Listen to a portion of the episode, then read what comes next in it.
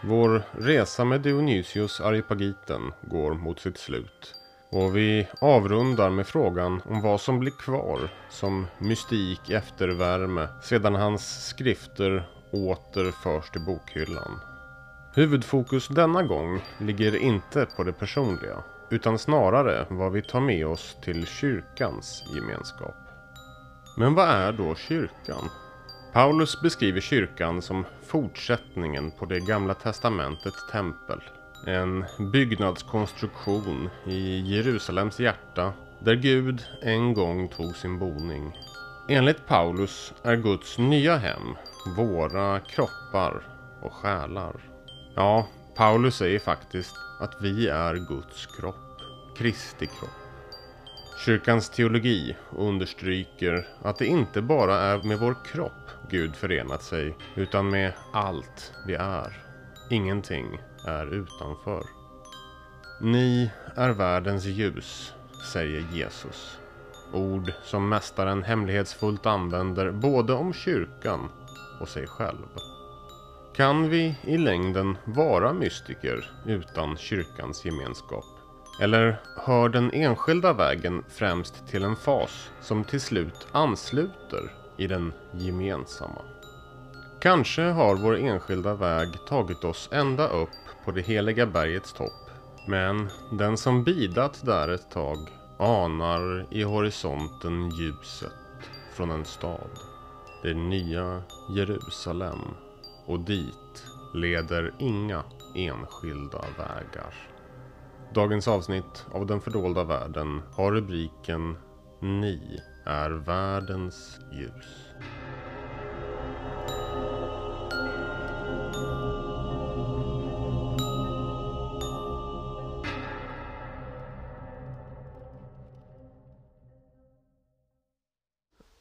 Ja, Karl, då är det dags att spela in sista avsnittet nu om Dionysius här. Och eh, jag har tänkt på lite saker. Det är egentligen ingen, inget särskilt citat som jag tänkte börja med, utan mer en liksom helhetsbild av min läsning av Paradoxernas Gud. Mycket mystik litteratur har ju som utgångspunkt att man pratar om jag och du Gud. Jaget och Gud, och när vi läser Dionysius så har ju han inte den Alltså om man jämför med till exempel Teologia Germanica eller Molnet eller Makarios andliga homilier. Så delvis så finns det apofatiska och katafatiska teologin och dialektiken däremellan. Och sen så är det ju mycket hur den himmelska hierarkin och den kyrkliga hierarkin på ett sätt samverkar. Hur den, det himmelska återspeglas i det jordiska, i kyrkan. Och eh, jag tänker att en unik sak faktiskt i just den kristna mystiken. Det här är ju intressant. Ibland kommer ju människor och frågar som är mystikt intresserade. Men vad, vad jag, jag känner för att fördjupa mig i en tradition och inte ha liksom fingrarna i flera syltburkar samtidigt. Vad har den som är unikt? Som du inte får riktigt någon annanstans. Och Dels så kan man ju prata om det här med inkarnationen, eh, föreningen Gud och människa, att liksom Gud blev människa för att människan ska bli Gud. Det är ju väldigt tydligt, kanske inte på alla håll, men om man tittar på kristendomen som eh, liksom ett idéhistoriskt perspektiv så är det ju liksom en bärande tanke. En annan sak som jag skulle, eller en sak som jag nästan tydligare skulle lyfta fram som är, är nästan unikt med, med kristendomen, det är ju tanken på kyrkan och att det är liksom en jordisk gemenskap av människor av kött och blod ska spegla det himmelska paradistillståndet. Tanken på en ny eh, gemenskap, nytt Jerusalem. Kyrkan är ju uppfattas ju väldigt lätt som en institution men det är ju också en gemenskap av människor som har en kallelse att tillsammans spegla himlen. Och då kan man ju faktiskt nästan säga att kristen mystik kan aldrig bli en liksom hundraprocentig individualmystik. Jag kan aldrig skära bort mina medmänniskor helt och hållet och göra anspråk på att vara kristen mystiker. Den kristna mystiken har inte bara med mig och Gud att göra, utan den kristna mystiken har med mig och Gud att göra, men också medmänniskan och skapelsen. Allt som uppbärs i varat är ju liksom en, en angelägenhet som jag som mystiker inte kan blunda för. Vad tror du om att liksom rikta in oss på på det här liksom prata om gemenskapsmystik och eh, vad ska man säga individmystik. Det där tror jag är en jätteintressant eh, ingång som eh, slog också mig den här gången när jag läste Ja. Dionysios. Ja. Tidigare när jag läst Dionysios så har det varit, det har varit jag och mitt personliga sökande, strävande. Att vandra på vägen från början var en individuell sak. Men Just sen det. så upptäckte jag att jag är ju inte ensam i den här världen. Nej. Ehm, Det finns medmänniskan. Och ehm, när man då läser Dionysios med de glasögonen. Alltså det är inte bara jag och Gud utan det är alla. Eh, så märker man ju det att det finns där alldeles tydligt. Mm. Om vi, om vi som du och jag, vi är, vi är födda på 1900-talet, vi är färgade av liksom vår tids kristendom. Det är väldigt, väldigt lätt att frälsningen, eller vad ska man säga, blir en individuell process. Vi, alltså, även om vi kanske inte pratar så i Svenska kyrkan så är vi färgade av den här evangelikalismen, är du frälst? Alltså vissa individer kan vara frälsta och andra inte. Den fornkyrkliga tanken på frälsning var ju egentligen inte en, liksom, kan, kan ju inte reduceras till en individuell upplevelse utan Kristi försoningsverk handlar ju om att återställa hela den fallna skapelsen, hela den fallna naturen och, och förena allt med det himmelska. Det är bara att läsa i Nya Testamentet. Alltså de, hela hushåll döptes. Till Ja, ja, exempel. visst, ja. Man kan ju också tänka på till exempel en sån här sak som att eh, när man gick genom eh, havet ut ur Egypten. Ja. Så var det liksom in, det var inte bara Moses som gick ut. Han hade Nej. gått ut först Nej. och liksom berett vägen. Mm, Men till slut skulle alla med. mm, Och det var inte som att han hade någon sorts husförhör där. Liksom när Nej. han stod där vid stranden. Och eh, liksom de skulle igenom.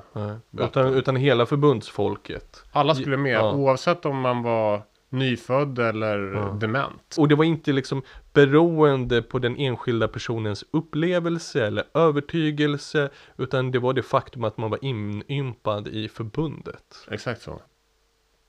Så det är den första saken som jag tänker på utifrån det. Det andra som jag tänk- tänker på det är någonting som vi, både du och Peter har eh, liksom fastnat för i det här eh, samtalen om Dionysios. Och det är det här liksom att eh, du uttryckte det på ett intressant sätt. Alltså den här, eh, den fördolda guden är uppenbar. Mm. En aspekt av mystik, det är ju liksom att sträva in i det fördolda. Men man kanske märker sen att den här fördolda guden också är uppenbar. Mm. För Dionysios så blir liksom steget ett till. Alltså det att eh, den fördolda guden är uppenbar i kyrkan. Ja, visst. Vem som helst kan vidröra Kristi kropp. Ja.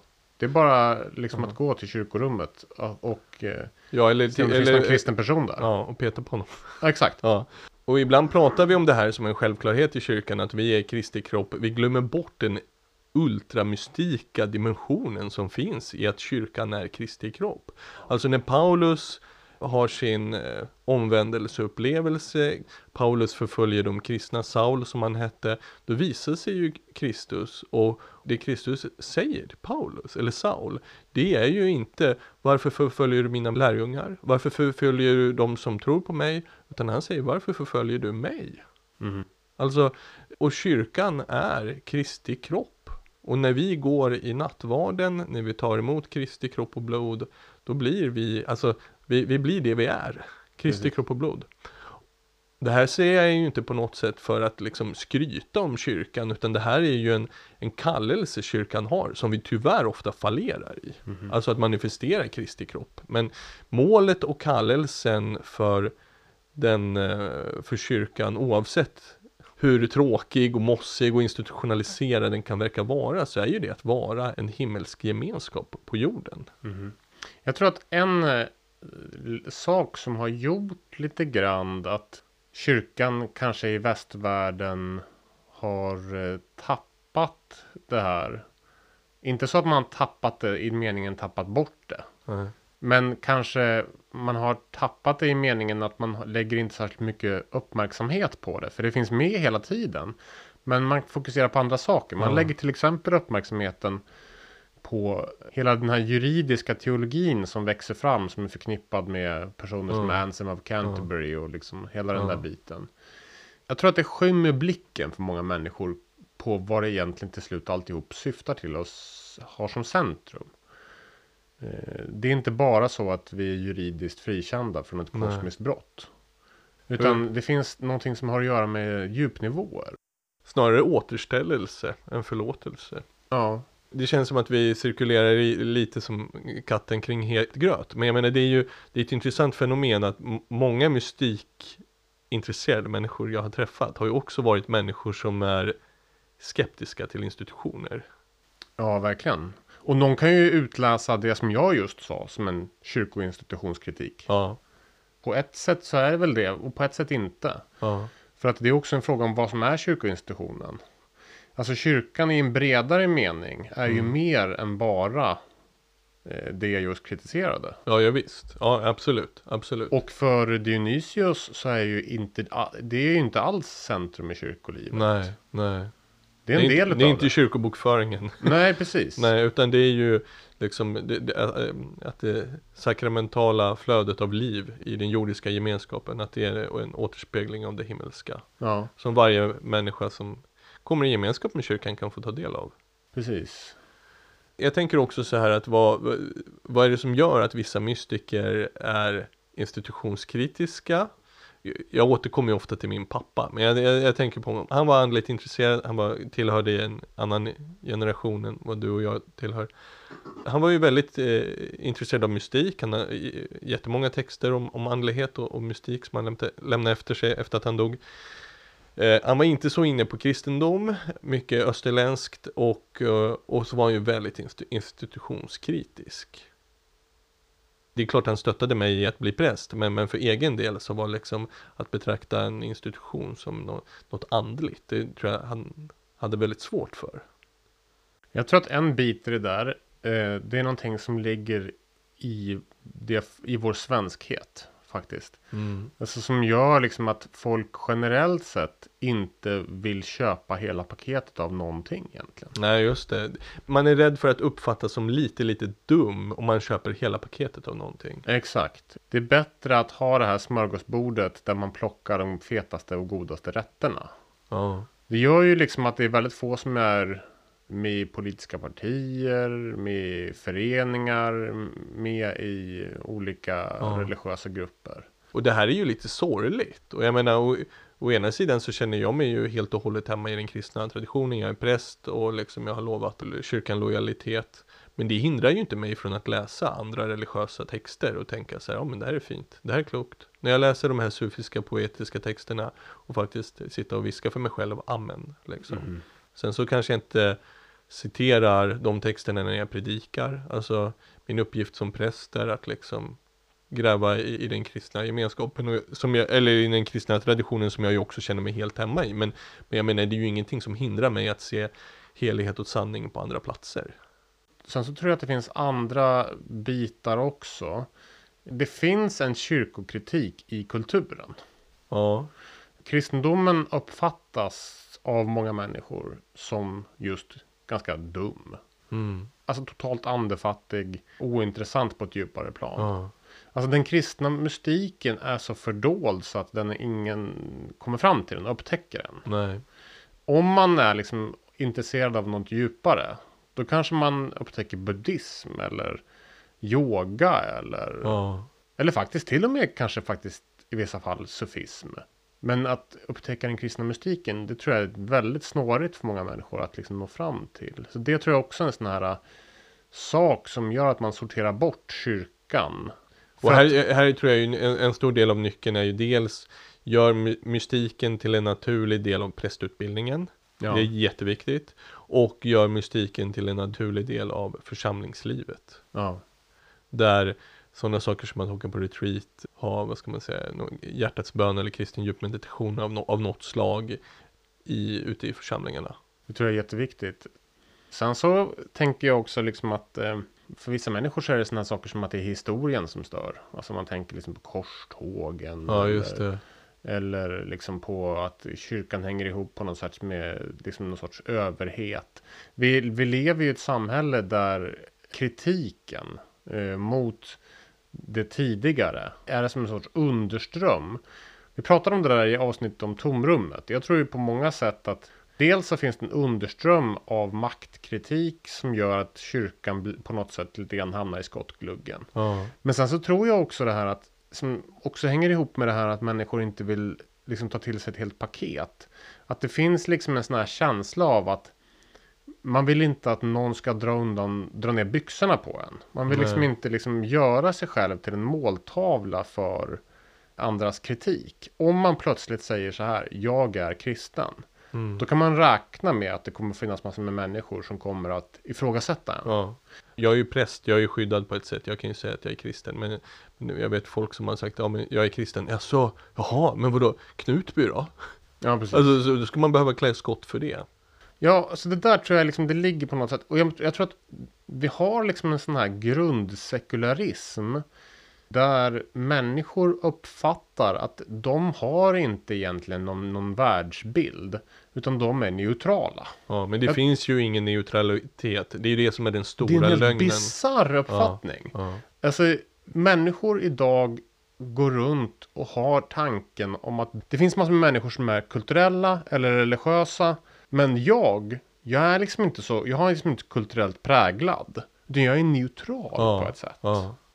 Eh, Det där tror jag liksom är en sån här grundproblem. Alltså att man har... och, och, vi, och, och här tror jag att vi, vi har liksom inte se, vi, har, vi har bara liksom börjat nosa på det här. Det här kommer bli ett stort, stort problem och det, tron på att det finns en liksom neutral ståndpunkt. Och med det vill jag inte heller ha sagt att alla åsikter är lika mycket värda eller alla religiösa föreställningar är lika mycket värda.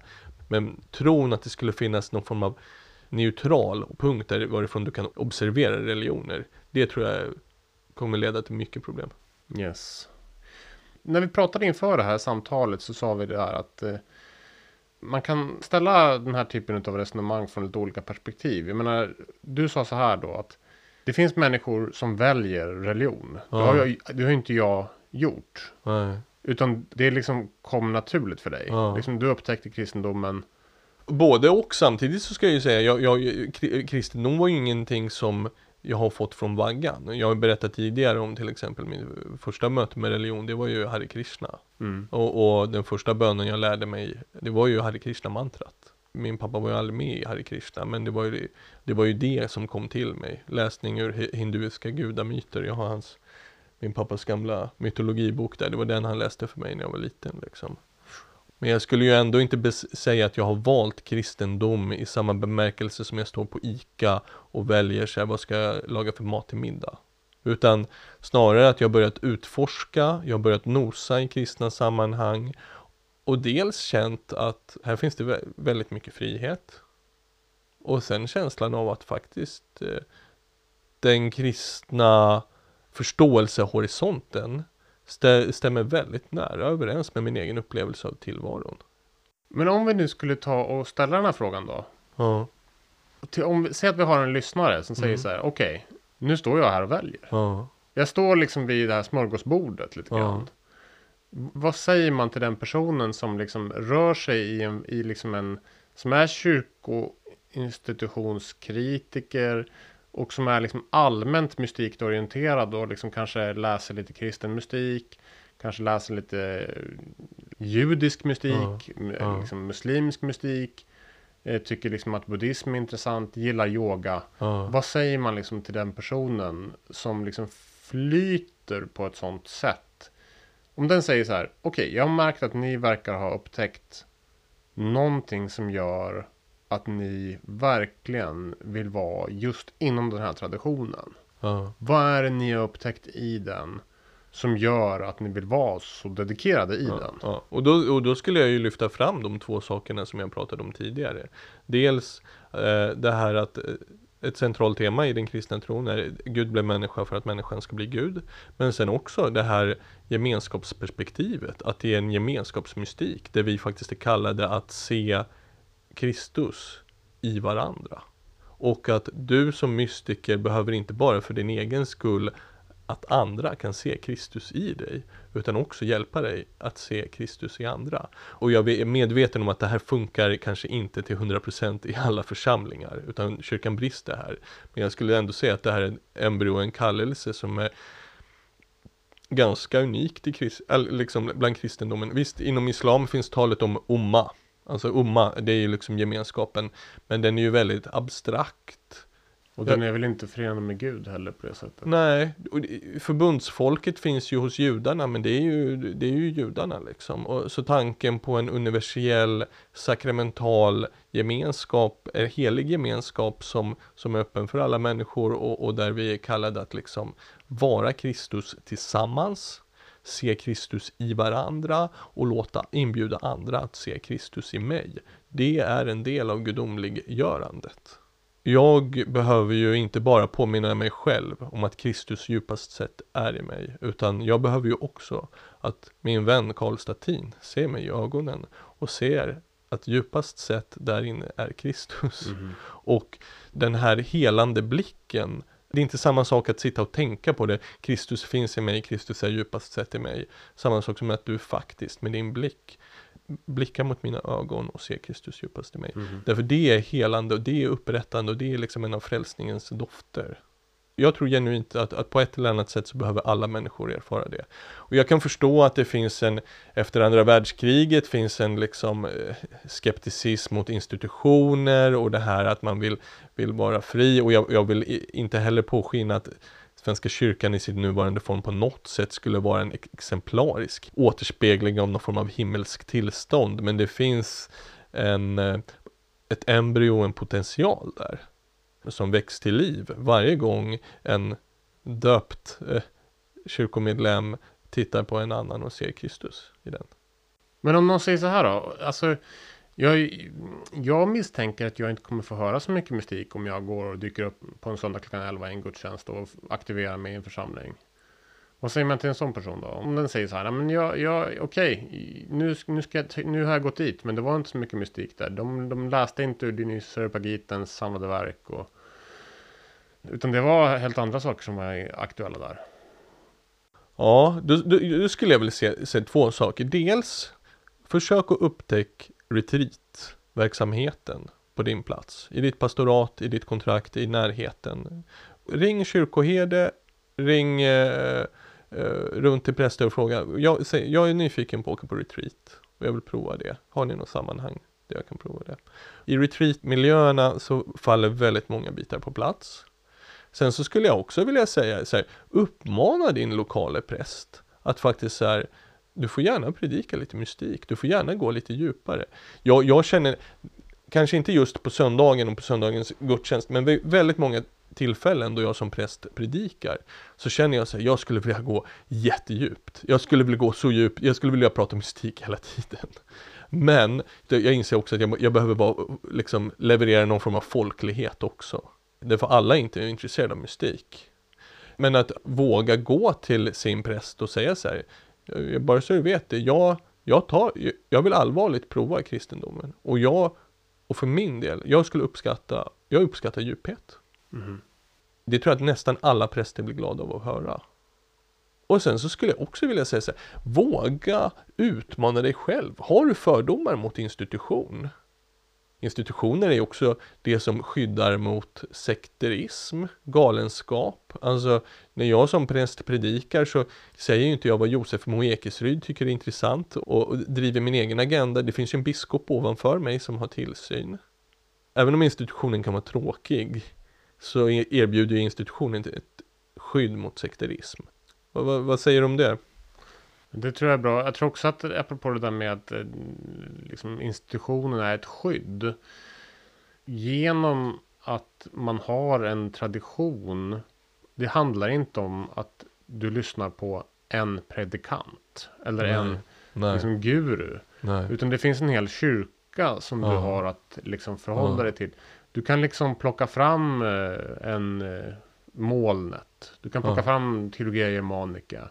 Du kan plocka fram eh, Gregorius av Nyssa eller eh, Maximus Confessor eller Symeon mm. den nya teologen. Och så kan du liksom läsa dem direkt själv. Du kan liksom gå till vilken gudstjänst som helst. Mm. Och det gör liksom att det handlar inte om att du har, att det står och faller med en person. Nej. För det, om det är så att du har en person som helt obunden till någon institution bara predikar i egen sak Ja. och utan traditionsanvisning. Ja. Då hakar du upp dig på bara den personen. Ja, jag var ju surfade ute på YouTube här för någon vecka sedan och såg någon, en person som, som eh, hade väldigt långa predikningar. Det här var ju inte en kristen människa utan det var ju ett medium som hade någon medial eh, utläggning över någonting. Och personen stod ju i, liksom inte i, i någon form av tradition till synes. Det var ju liksom ing, eh, personen uttryckte ju inget annat än sina egna åsikter, sina egna föreställningar. Och det blir ju väldigt, väldigt stort jag-fokus i det Mhm. oerhört. eh, Personen hade jättemånga följare. Det var... eh, Jag blev lite skeptisk över sånt. Ja, institutionen blir ju också någonting som därmed hjälper en att glömma sig själv. Mm. För det handlar inte om mig. Nej. Det är inte jag och mitt religiösa projekt. Nej.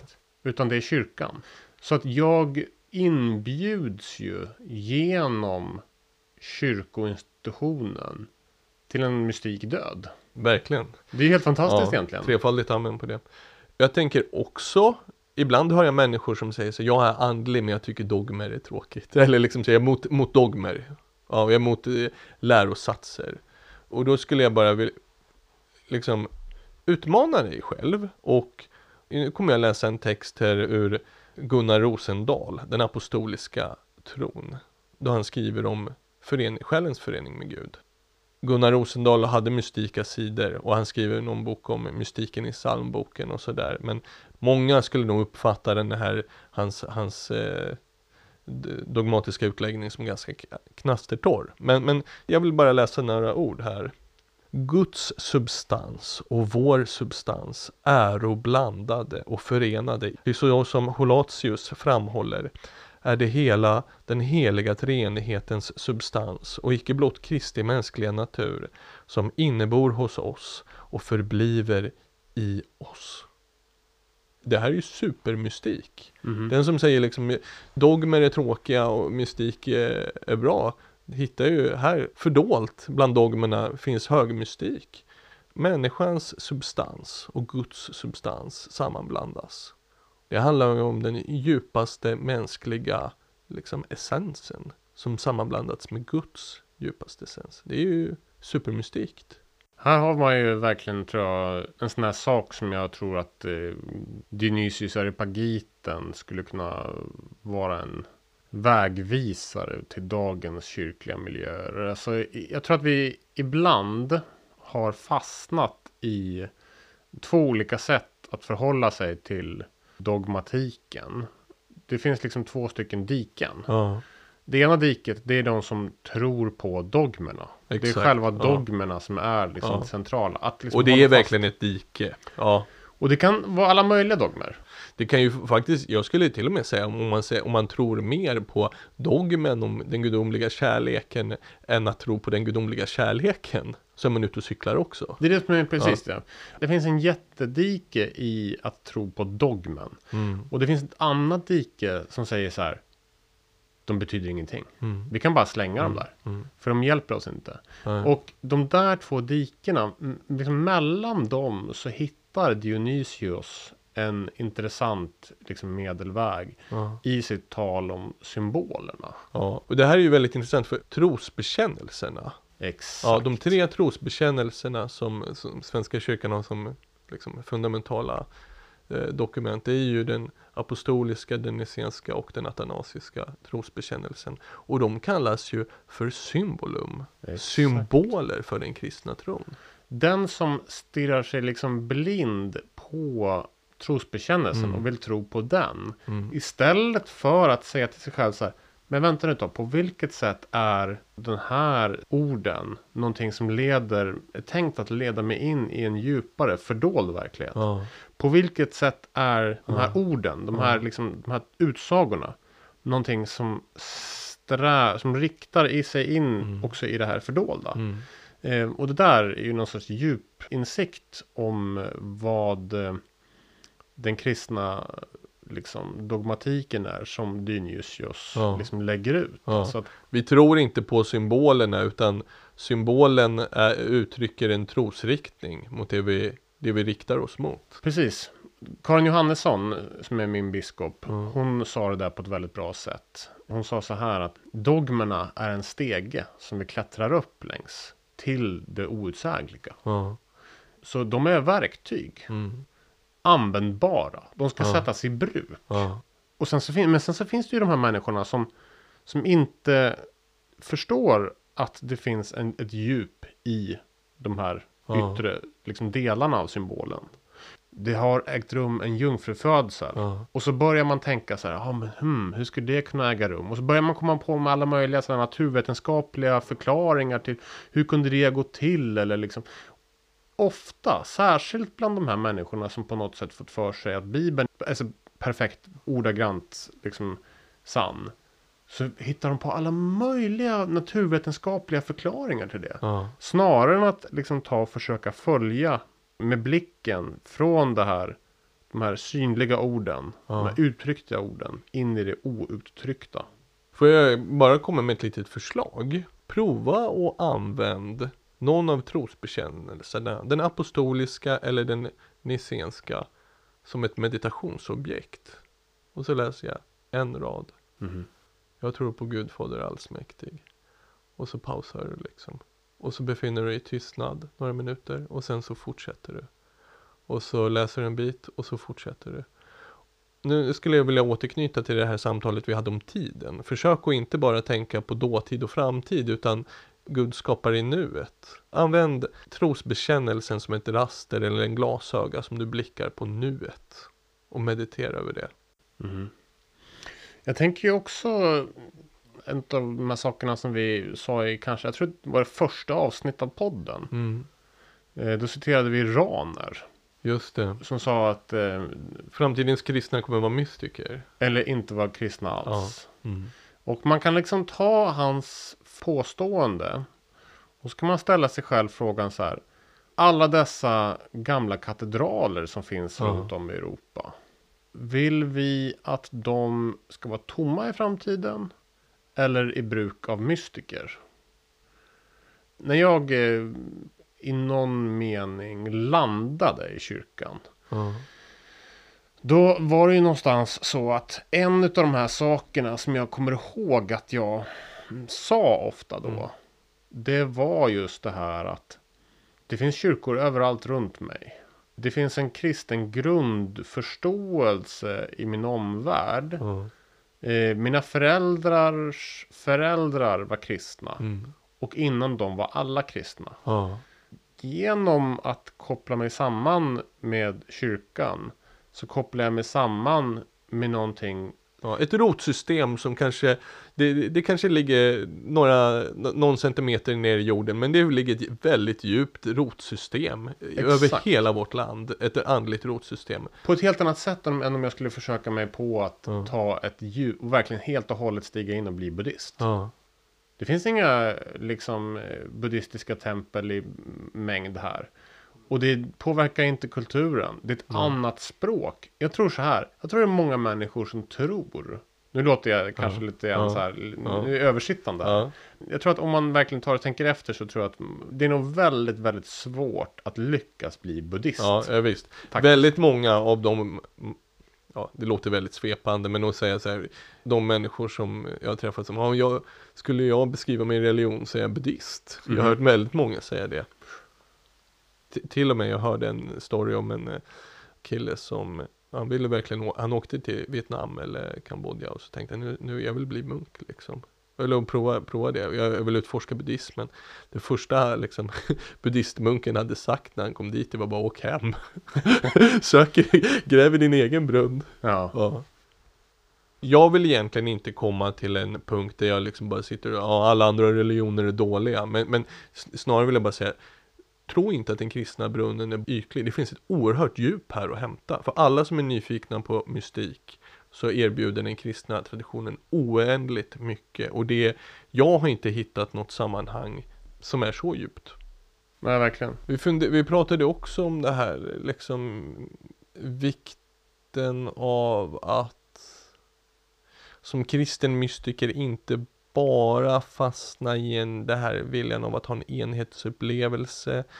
Mystiken inte bara handlar om att vara högst upp på berget, på toppen, utan liksom eh, förmågan att kunna kliva upp och ner. Det här som vi pratade om när vi pratade om änglarna, alltså att Jakobs stege, änglarna gick både upp och ner, de gick åt, i båda riktningarna. Och att ha en mystik som inte bara innebär att jag eh, försakar alla jordiska plikter för att springa upp på berget, utan det går upp och ner. En, en, en mystik som både är på bergets topp och... Äter ravioli med sina barn. Ja, ja men visst, verkligen. Mm. Och jag tänker på Jag såg en dokumentär eh, om, om de, den, det var någon speciell Waldorf skola, eller antroposofskola, det var, den var inte en Waldorfskola, men, men det gick eh, förra året tror jag på SVT, en serie om skola där det inte hade varit så bra. Och det var, med intervjuade en person där som var väldigt eh, han betraktade nog sig själv som mystiker liksom. Och så intervjuade de hans barn och så sa hans barn så här, men Ja, när, när, vi var små,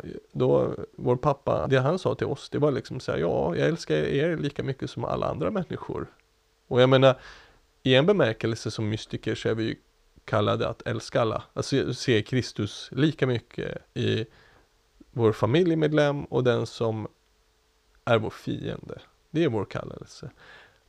Samtidigt är det liksom min, ursäkta, min, min förbannade plikt personan Josef Moekesryds plikt att liksom hysa en unik kärlek till sina barn. Och ett mystikt liv att leva vid bergets fot. Precis där. Det här tror jag verkligen är liksom det som kanske skiljer den kristna mystiken från gnosticismen. Mm. Till exempel. Nu har vi liksom nämnt buddhismen. Jag tror liksom att eh, både gnosticismen och eh, buddhismen har liksom det här siktet bara inställt på toppen av berget i någon utsträckning. Man behöver alltså, liksom en, en del av de gudomliga gärningar vi ska uträtta om vi ska återknyta till det här begreppet teurgi. Det är ju liksom att föra ner himmelskt ljus. På alla trappsteg på Jakobs stege. Mm. Från bergets topp eller från, från toppen till foten. Om vi ska börja gå ner för landning lite grann. Så kan man ta och börja med en fråga. Vad tar vi med oss från Dionysios? Och som kanske en följdfråga på det. Vad är det vi kanske inte i alla lägen tar med oss från Dionysios? Vad är det vi liksom ibland kanske väljer att eh, välja våra sammanhang att ta med oss till? Ja, jag tänker nog mycket på det som vi har varit inne på, alltså att kyrkan som gemenskap blir en plats där den himmelska hierarkin återspeglas. Den himmelska livsströmmen flödar genom den jordiska kyrkan. Du då? Jag tänker mycket på det här med det här symboliska förhållningssättet. Just det. Det tror jag är så oerhört verkningsfullt på så många mm. olika sätt. Sen så tänker jag också på det här med återförtrollning. Ja. Jag tror att ett tilltal som också kan rymma eh, talet om en förtrollad värld. Eller som Martin Lönnebo säger i en av sina böcker. En återsakraliserad värld. Just det. Det är liksom ett tilltal tror jag som skulle kunna bli liksom tillgängligt för många människor. Alltså det, och det är också väldigt Dionysiskt på alla möjliga plan. Alltså det här, det är i honom vi rör oss. Går till. Mm. Ja. Gud är allt överallt. Och det är alla människor som stiger upp på ett berg. Och har en mystikerfarenhet. Eller på fisketuren. Mm. Eller när man tar av sig sina skor och strumpor. Och sätter dem ner i gräset. I sitt ja. sommarhus eller sommartorp. Och liksom känner hur ens plikter tar och glider av en. Får man något som påminner om en Jakobs upplevelse ja. där vid Betel där helt plötsligt så står himlastegen där och himlen är öppen och så och så kan vi säga med Jakob att Gud var här men jag visste det inte. Och svensken har kanske inte heller riktigt helt upptäckt att det som den upplever där ja. är Gud dessutom. Ja, Den visste inte det än. Nej, nej. Utan eh, för den så är det fortfarande en fördold gud. Ja. Men den, det är en sån djup känsla av att det är någonting viktigt när de där skorna åker av. Det där tror jag skulle kunna vara någonting. Sen så tror jag att eh, det finns massor med saker i Dionysios som höjer en del ögonbryn. Jag tänker på he- hela hans kosmologiska beskrivning av tillvaron. Jag Mm. tänker på hans tal om teurgi och sådana saker. Alltså det... Samtidigt så tror jag att eh, Dionysius hade varit glad om det fanns människor som kände så här intresserade av att stiga in i de här sakerna och att det liksom bereds möjlighet att göra det. Att eh, liksom mystika vänkretsar, att det kan odlas en... Eh, Och det är ju också en av våra visioner. Jag menar, du, du och jag har ju en andlig mystik vänskap och det är ju liksom en, en vänskap som vi vill vidga exakt så. med andra. Ja. Om man tänker så här, okej, men jag kommer inte kunna få det här kosmologiska teurgiska från på söndag klockan 11. Nej. Men det finns mystika vänkretsar kanske. Mm, som det. man kan få det. Och då får man ju liksom eh, komma i kontakt med Ja. personer som tycks intresserade av det. Ja. Det finns ekumeniska Ja. kommuniteten, det finns Meister Ja, Eckhart-sällskapet. det gör det, det. finns sällskapet Nos, Mm, det finns eh, olika Ja. möjligheter Ja. för det som passar ens liksom, temperament. Ja. Då kanske vi ska ta och eh, avsluta med några ord om eh, böckerna. Det är ju en liten Ja. samling av böcker det här. Ja. Hur, hur har det varit att läsa dem? Jag känner ju framför allt att efter att ha läst den svenska upplagan, Paradoxernas gud, så känner jag mig väldigt, väldigt sugen på att läsa den engelska, helhetliga översättningen. Om man ska vara lite textkritisk eller sådär så skulle jag väl kanske gärna nästa gång jag läser den blir det den engelska. Jag har eh, läst Dionysios några gånger nu och jag märker hur olika sidor jag ser de olika Ja. läsningarna. Ja, Eh, Det finns massor med saker som jag ser i Dionysios nu som jag inte hade sett om inte vi hade träffats. nej. Så. Ja. Mm. Det var ju du som fick mig att läsa Teologia Germanica. Ja, Som är en Dionysios lärjunge. ja, Utan att ha liksom läst Teologia Germanica och liksom att vi har haft samtal om det. Och du också väglett in i vissa saker kring det där. Då hade jag missat de sakerna när- jag läste om Dionysius även den här gången. och det är därför andlig vänskap är så oerhört viktigt. Ja. Så det där tänker jag, det där tänker jag liksom att det finns oerhört stora djup här. Ja. Jag undrar vad jag upptäcker nästa Ja, gång. ja. Som jag läste, läser Dionysios. Första gången jag läste eh, Dionysius Areopagiten så var ju jag tänkte nog bara liksom kategorier av eh, apofatisk och katafatisk teologi. Liksom, vad kan man säga om Gud och inte? Liksom, vad är den gudomliga essensen? Det var det jag tittade på. Nu är det mycket spännande om, vad ska man säga, emanationerna, utflödandet, änglarna, ja, det himmelska och det jordiska som möts i kyrkan. Mhm. Mm. Om jag skulle sätta Dionysios i händerna på någon som skulle vara intresserad utav det här kosmologiska Mm. och liksom hela den här grejen med teurgi och liksom änglar och all, hela den där biten. Då skulle jag också säga liksom att läs Dante också. Just det. Och jag tror att det kommer finnas en del, tror jag, nycklar också Mm. till hur man kan instiga i den typen av kontemplativ praktik också i de kommande Höga Visan-avsnitten. Ja. Ehm, men om man liksom på egen hand vill liksom närma sig det så då tror jag att man ska man ska nog läsa Dante också. Jag skulle ju säga att man, man börjar med paradiset. Mm. Eller himlarna så att säga. Mm. Man behöver inte ta vägen ner i helvetet och purgatoriet. Utan man kan ta och gå på himlarna direkt. Om man ska läsa Dante. Och jag tror också så här, försök att ha en eh, mystik vänskapskrets där ni läser böcker tillsammans och pratar om dem. Mhm. Jag känner ju också, jag menar det är ju du beskrev att, att jag hade hjälpt dig att se saker och det är ju ömsesidigt. Mhm. En individ har två ögon. Två individer har fyra ögon. Mhm ju fler vi är i vårt eh, skådande och vårt sökande desto, desto mer.